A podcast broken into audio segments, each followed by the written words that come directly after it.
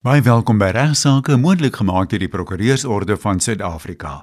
Die Prokureursorde bied elke jaar 'n testamente week aan waar jy gratis 'n basiese testament kan laat opstel. Dit vind hierdie jaar tussen 26 en 30 Oktober plaas. Kontak gerus jou naaste prokureur om te hoor of hulle deelneem. Môre Ignas.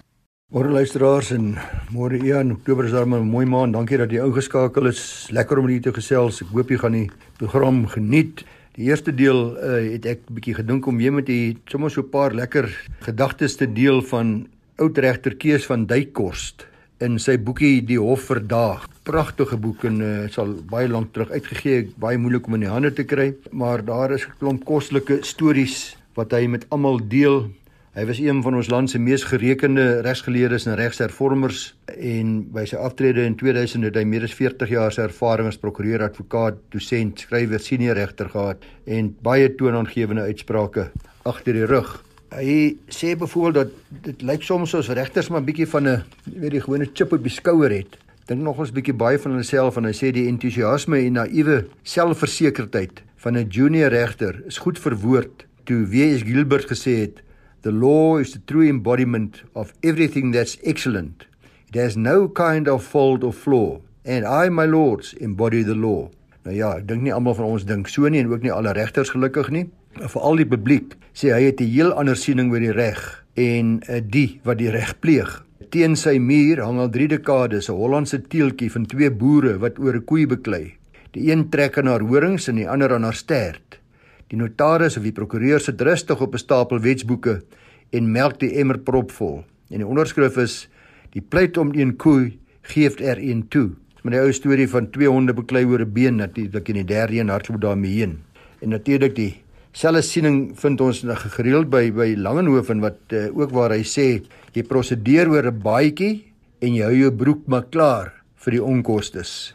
U weet ook dat die Bybel is maar krities oor regsgeleerdes en Lukas 11 vers 46 staan hierdie verdoemende woorde oor ons as regsgeleerdes. Ja, julle wetsgeleerdes, ellende wag vir julle ook, want julle laai ondraaglike laste op mense en self verhoor julle geen vinger om hierdie laste te dra nie. Ag daar's baie sulke voorbeelde. Uh die Engelse plaas ook hulle regters en hulle regsplegings nie regtig op 'n voetstuk nie. Ja, daar is byvoorbeeld die Henry Brougham gesê A lawyer is a learned gentleman who rescues your estate from your enemies and keeps it to himself. Ja, 'n ryk man is aangekla vir bedrog en hy sê toe vir sy prokureur: "Ek weet die getuienis teen my is sterk, is baie swaar, is gewigtig. Die saak teen my lyk baie swak, lyk duister, maar ek het 500 000 rand kontant om hierdie saak te voer. Dis wat ek wil doen." Die prokureur is baie in sy skik. Hy sê: "Wel, as jy 'n prokureur waarborg ek jou Met daardie bedrag geld sal jy nie tronk toe gaan nie. Dit was toe ook so. Hy's bankrot tronk toe sonder die geld.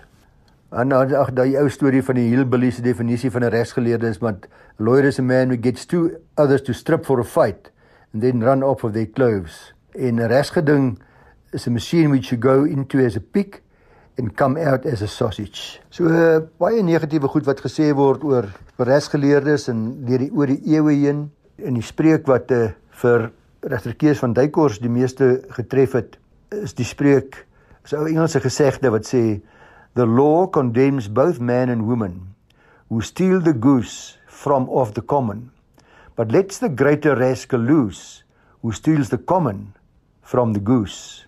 Dis baie waar dan vir my dan natuurlik dan met so 'n bietjie ook die ander kant van die saak te stel soos Langehoven dit ook vir ons gestel het is dit by dit alles moet mens die woorde van Langehoven onthou want hy het gesê Die man wat sy saak gewen het, hy kla nie oor die regter nie. Dis nogal baie waar. Die beskerming van ons as publiek of terwyl die openbare beskerming speel 'n ongelooflike belangrike rol in ons samelewing. En soos jy weet, dis dit maar omstrede. Ons is almal was baie tevrede met die eerste aanstelling en uh, by oomblik is daar allerlei probleme wat na bewering bestaan met die huidige openbare beskermer. Maar die howe sal mettertyd waarskynlik daaroor uitsluitsel gee waar die waarheid werklik lê.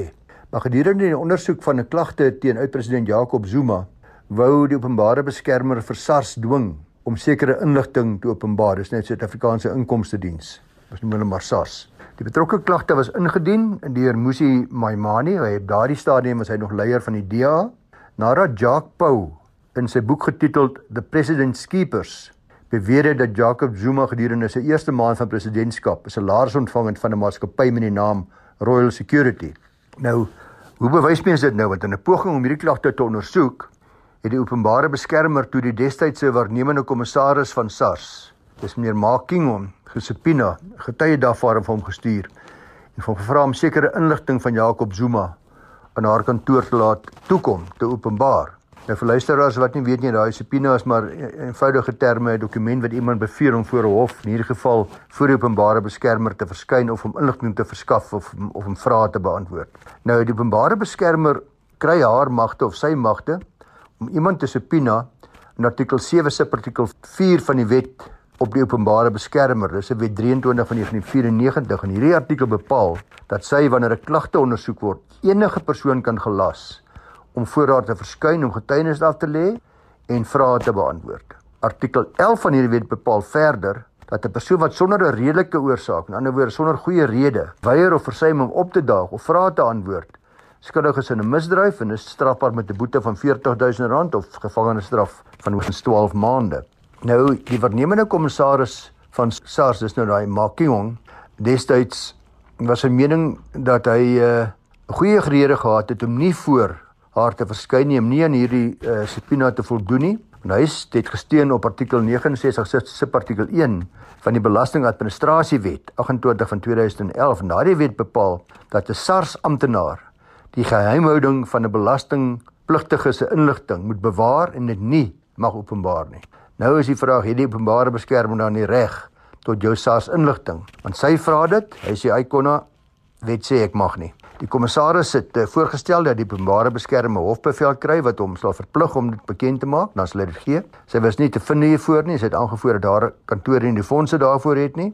En uh, SARS het toe met 'n alternatiewe voorstel gekom dat hulle regsopinie inwin en uh, dat hulle selfs daarvoor so pa staan vir die kostes. Dit was aanvaar en hulle twee advokate gekies om opinies voor te berei en uh, die advokate moes natuurlik navors en dinge doen om vas te stel waarop die openbare beskermer waarom daar wel die raar geregtigheid is op enige belastinginligting. Uh, beide advokate stem saam kom tot die slotsom dat die openbare beskermer se magte om iemand te subpoena nie die reg insluit om 'n SARS amptenaar te subpoena nie en om hierdie inligting te bekom moet sy of hy 'n hofbevel bekom of die betrokke belastingbetaler se toestemming kry dat die inligting blootgelê kan word. Nou natuurlik, alhoewel sy aanvanklik saamgestem het, het sy nie van hierdie twee opinies gehou nie. Sy het 'n derde advokaat opdrag gegee om die regsvraag na te vors en hierdie advokaat het bevestig dat het nou gesê dat sy wel geregtig is om 'n SARS amptenaar te subpoena. Op grond van hierdie opinie het sy nou vir 'n tweede keer die waarnemende kommissaris gesubpoena. Op ontvangs hiervan het SARS dink ek gedink, ek weet nie ons genoeg is nou wragtig genoeg. Ons kan nie so aangaan nie. En hulle bring toe maar 'n aansoek in die Hooggeregshof van Pretoria vir 'n verklaring bevel wat bevestig dat SARS amptenare nie gedagvaar kan word om inligting van belastingbetalers aan die openbare beskermer te openbaar nie.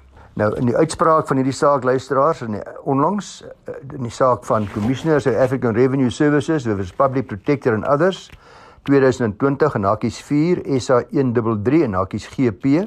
Vir my kollegas wat dalk daar in die saak wil gaan kyk.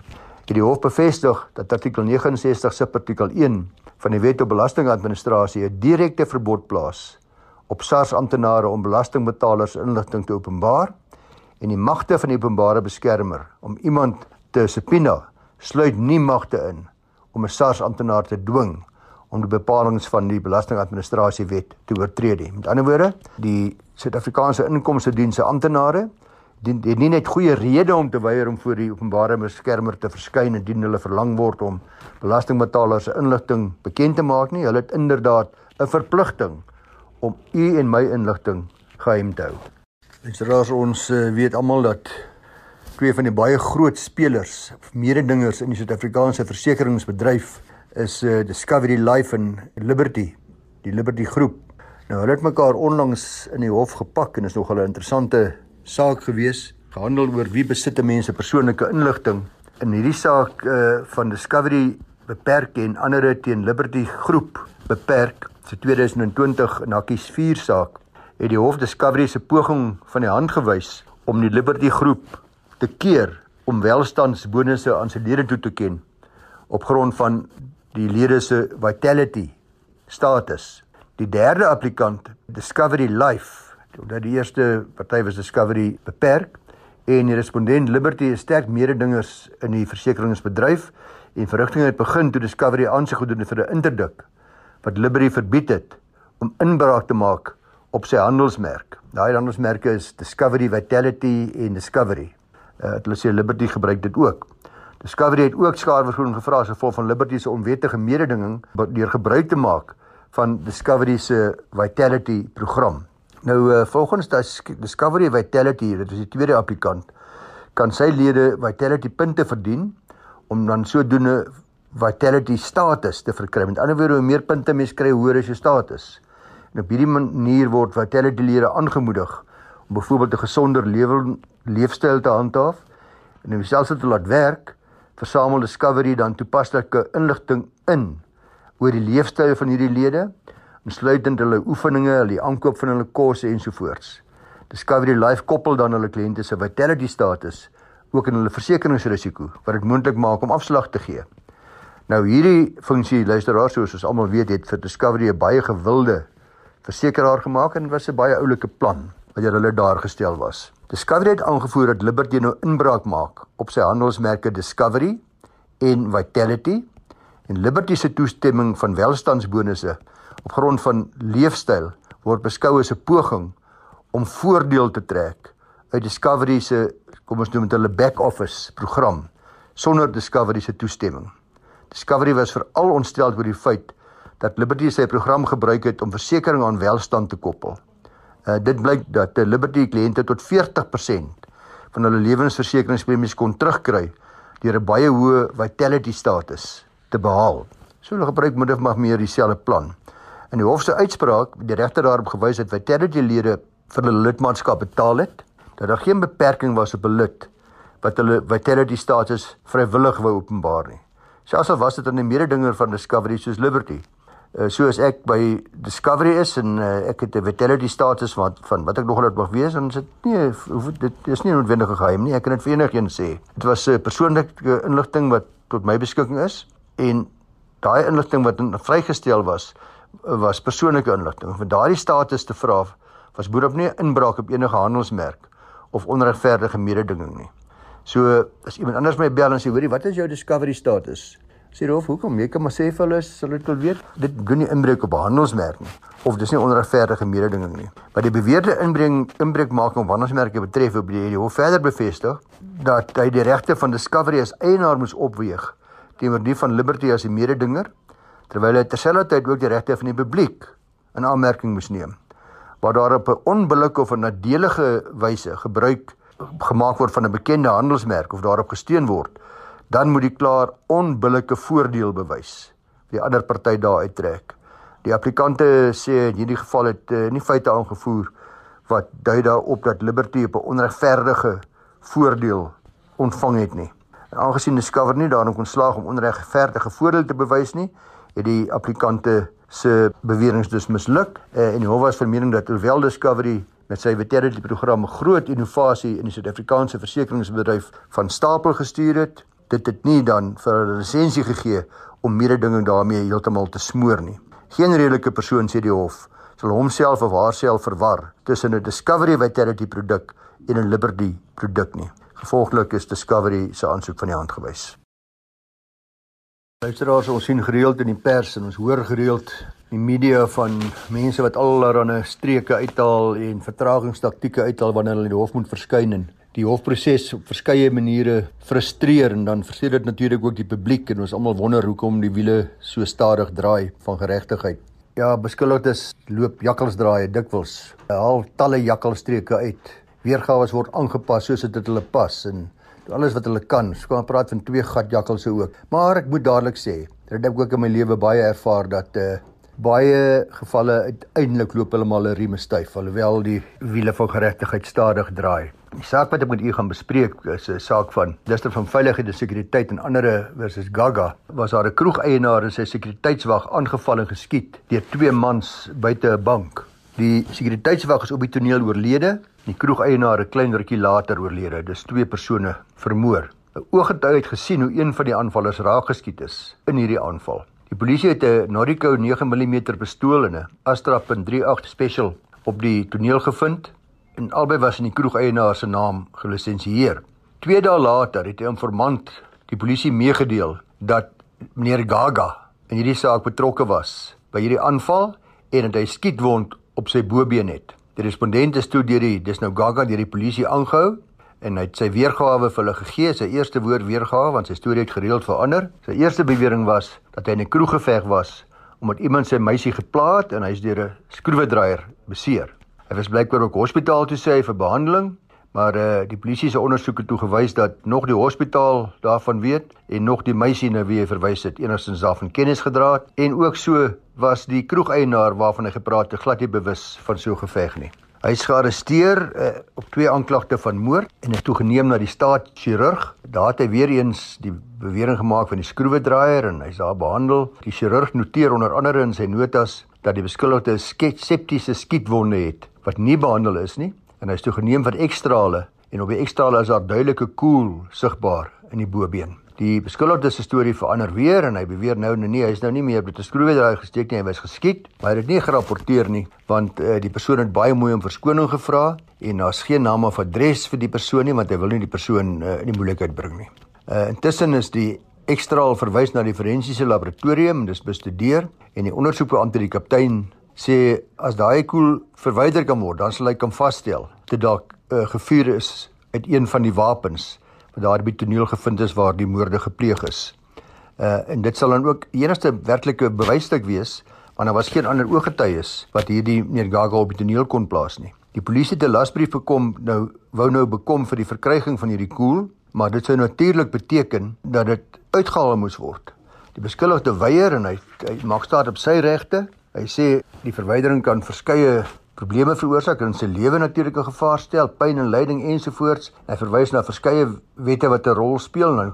Die twee kante van die saak is eerstens die strafproseswet wat in artikel 27 stipuleer dat 'n polisiebeampte wat iemand wettiglik mag ondersoek, wel krag mag gebruik of geweld mag gebruik, soos wat dit redelik en nodig is om enige weerstand te oorkom. Vraag is of dit hierby inpas om 'n koel uit te haal wat geweld is, wat nodig is om weerstand te oorkom? Waarskynlik nie. Artikel 37 sub artikel 1 sub artikel C van die strafproseswet laat toe dat 'n beampte die nodige stappe mag neem om vas te stel of die liggaam van enige persoon enige merkeienskap of onderskeidende kenmerk bevat. Nou die hof sê ook die koel is nie een van hierdie nie.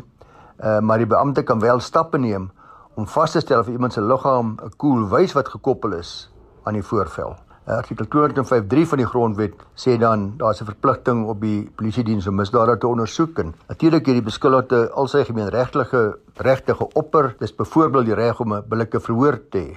Uh, met ander woorde ek word geag onskuldig te wees om stil te bly my swygreg uit te oefen om nie getuienis te lewer nie. Ek is nie verplig om selfinkriminerende getuienis te lewer nie dis alles in artikel 35 van die grondwet. Uh, ek is ook geregtig op menswaardigheid ek moet dit moet beskerm word ek moet gerespekteer word artikel 10 Dan is daar artikel 12 wat sê ek het die reg tot vryheid en sekuriteit van my persoon. Ek moet ook vry wees van geweld. Dan is daar ook die reg tot liggaamlike en sielkundige integriteit in artikel 12 van die grondwet. So dis duidelik luisteraars dat voorgestelde chirurgiese ingryping, dis die verwydering van die koel, wel die beskuldigde se regte sou aanpas. En die bevel waarvoor ons gedoen is om die koel te verwyder, uh dis moontlik 'n aantasting is van grondwetlike regte.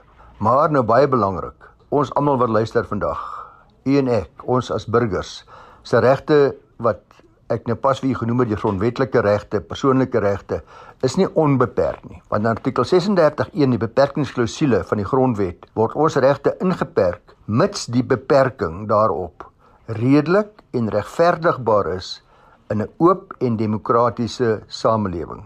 In 'n woorde, ek sal die koel kan uithaal uit 'n burger se been, nie tenstaan in sy grondwetlike regte indien daai beperking op sy regte redelik en regverdigbaar is in 'n oop en demokratiese samelewing. Die regter kyk mooi na, hy beslis dat die aan om die aansoek af te keur sal meebring dat ernstige misdade nie opgelos sal word nie. Die regstelsel sal geknielter word en dat geregtigheid in die oë van die publiek nie sal geskied nie.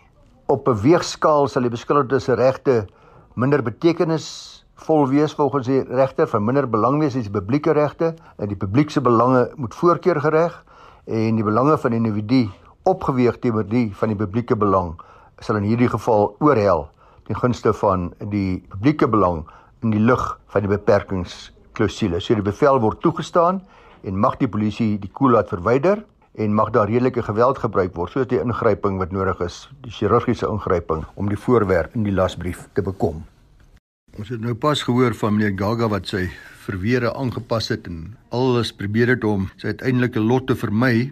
Maar Ian, in jou boekie Genade edelagbare humor in die hof wat sekerlik nog in die Markus hoop ek is daar ook 'n baie mooi stukkie oor jy geskryf het oor vindingryke verweere. Nogal vir my skreeu snaaks was want jy sê daar dat beskuldigdes is oor die algemeen baie hulpvaardig veral wanneer hulle besit van gesteelde goedere betrap word. Om 'n skuldigbevinding vry te spring, moet die beskuldigde 'n redelike verduideliking kan gee van hoe die betrokke artikels in sy besit gekom het. Die verduideliking is soms besonder vindingryk en word altyd met 'n baie vroom gesig gegee.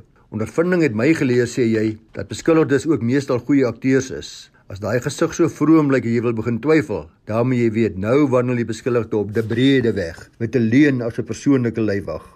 As mense te vaag is, klink jy nie oortuigend nie. Dus bevat die verduidelikings meestal besonder baie detail wat selde relevant is. Nou 'n beskuldigde wat met 'n kamera betrap is, verduidelik eendag plegtig onder eed hoe dit gebeur het. Hy het Saterdagoggend in iemand se tuin gewerk. Hy was te voet op pad huis toe. Dit was baie warm. En as hy 2 km se stap, word hy dors. Hy stap toe by die oop hek in van 'n huis om water te vra, maar niemand maak die deur oop toe hy klop nie en hy drink toe sommer water by die tuinslang daar by die grasperk lê. Die pad uit weer merk hy dat die ruitte van die motor wat daar in die oprit staan, is afgedraai, seker as gevolg van die hitte. En op die motor se sitplek lê 'n kamera oop en bloot. Die beskuldigde identifiseer dit dadelik as 'n risiko en wil graag help. Hy het nou net sy dors geles en dit sal regtig daarom nie reg wees dit baie hartseer wees as iemand sy weldoener se kamera moet steel. Hy het nou net geklop, toe was hy nie antwoord nie. So hoe nou gemaak? Alwaar hy kon dink was homself hierdie kamera in veilige bewaring te neem en hy het vir homself gesê as hy môre weer hier langs kom, dan is die mense dalk tuis, dan kan hy mos die kamera teruggee. 'n Bietjie lak is hulle dalk so dankbaar dat hulle selfs hom ietsie sal gee. Ja, luisteraars, sê Ion, die enigste vlieg in die saal is natuurlik weer die polisie wat hom skaars 'n blok verder in besit van die kamera betrap En nou wil hulle nie glo dat hy nie 'n dief is nie, maar jy is 'n diefstal wou verhoed het en dat die barmhartige Samaritaan is nie. En wat die beskuldigde sê vir die hof is, dink my agbare nie ook hulle moet eintlik bly wees dat ek help met die bekamping van misdaad nie, so het hy verontwaardig afgesluit. Mooi storie, dankie Ian. Ter afsluiting luister daar so ietsie oor onmoontlike prestasie leerstuk. En daar was onlangs in ons Hooggeregshof in Johannesburg waar verhuurders die hof genader het vir verligting aangesien die huurders versuim het om die huureiendom terug te plaas in die beheer van die verhuurders. Uh, dis is uh, ook in die Rebus bespreek. Is 'n saak van Vroyen Ron teen Metcash Trading. Die huurder het voorgehou dat dit onmoontlik is om huureiendom terug te gee aangesien hulle weer die eiendomme onderverhuur het en die onderverhuurders versuim dus om uit te trek. So hulle sê prestasie is hier onmoontlik Ons wil teruggee, maar ons kan nie want ons het vir ander mense laat huur in daai gebou en hulle weier weer om uit te gaan. So die huurders kan dus nie die huureiendom aan die verhuurders terugbesorg nie. Die huurders hou dit voor dat dit vir hulle onmoontlik is om te presteer in terme van die kontrak en hulle versoek om vrygestel te word. Dis van daai pligte. Tydens die antwoord van hierdie saak het die hof weer mooi gekyk na die hele beginsel van onmoontlike prestasie en die ontwikkeling van hierdie beginsel en wanneer partye wel vrygestel sal word om hulle kontraktuele pligte na te kom. Uh die hof sê 'n persoon sal ontslaan word van sy verpligting om te presteer indien daar 'n onvoorsiene gebeurtenis plaasgevind het wat geheel en al buite die persoon se beheer was en wat sy prestasie geheel en al onmoontlik gemaak het. 'n Voorbeeld hiervan van so 'n onvoorsiene gebeurtenis is 'n natuurramp, maar dit word nie net tot natuurrampe beperk nie. Dit kan ook 'n menslike daad wees wat prestasie onmoontlik maak, solank as wat die gebeurtenis redelik en let wel onvoorspelbaar en onvermydelik was. Dit is wel belangrik om daarop te let sê die hof dat geen persoon vrygestel sal word van sy verpligting om te presteer indien die gebeurtenis wat die prestasie onmoontlik maak sy eie doen en late was nie. Indien 'n persoon is die oorsaak van sy of haar eie probleem of sy eie onmoontlikmaking van prestasie, dan kan hy nie verwag om vrygestel te word van sy verpligting om te presteer nie. So wanneer ons kyk na die saak in Johannesburg se hof, is dit duidelik dat die Juders hier self 'n gebeurtenis geskep het wat dit vir hulle onmoontlik gemaak het om die eiendom aan die verhuurder terug te gee. Hulle het self die plek gaan onderverhuur. Hulle eie dade en optrede het dus gelei tot die onmoontlikheid om te presteer en hierdie gebeurtenis sê die hof is beslis nie onvoorsienbaar gewees nie en kon versekerlik deur hulle vermy geword het die redelike sorg. Die hof het bevind dat die huurder moet presteer in terme van die kontrak en dit nie sy saak kan wen deur onmoontlike prestasie te beweer nie. Baie dankie Ignas. Ek herinner luisteraars net weer aan Testamente Week wat hierdie jaar van 26 tot 30 Oktober plaasvind.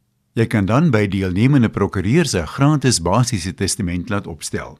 Kontak jou naaste prokureur om te hoor of hulle deelneem. Mooi loop tot volgende week.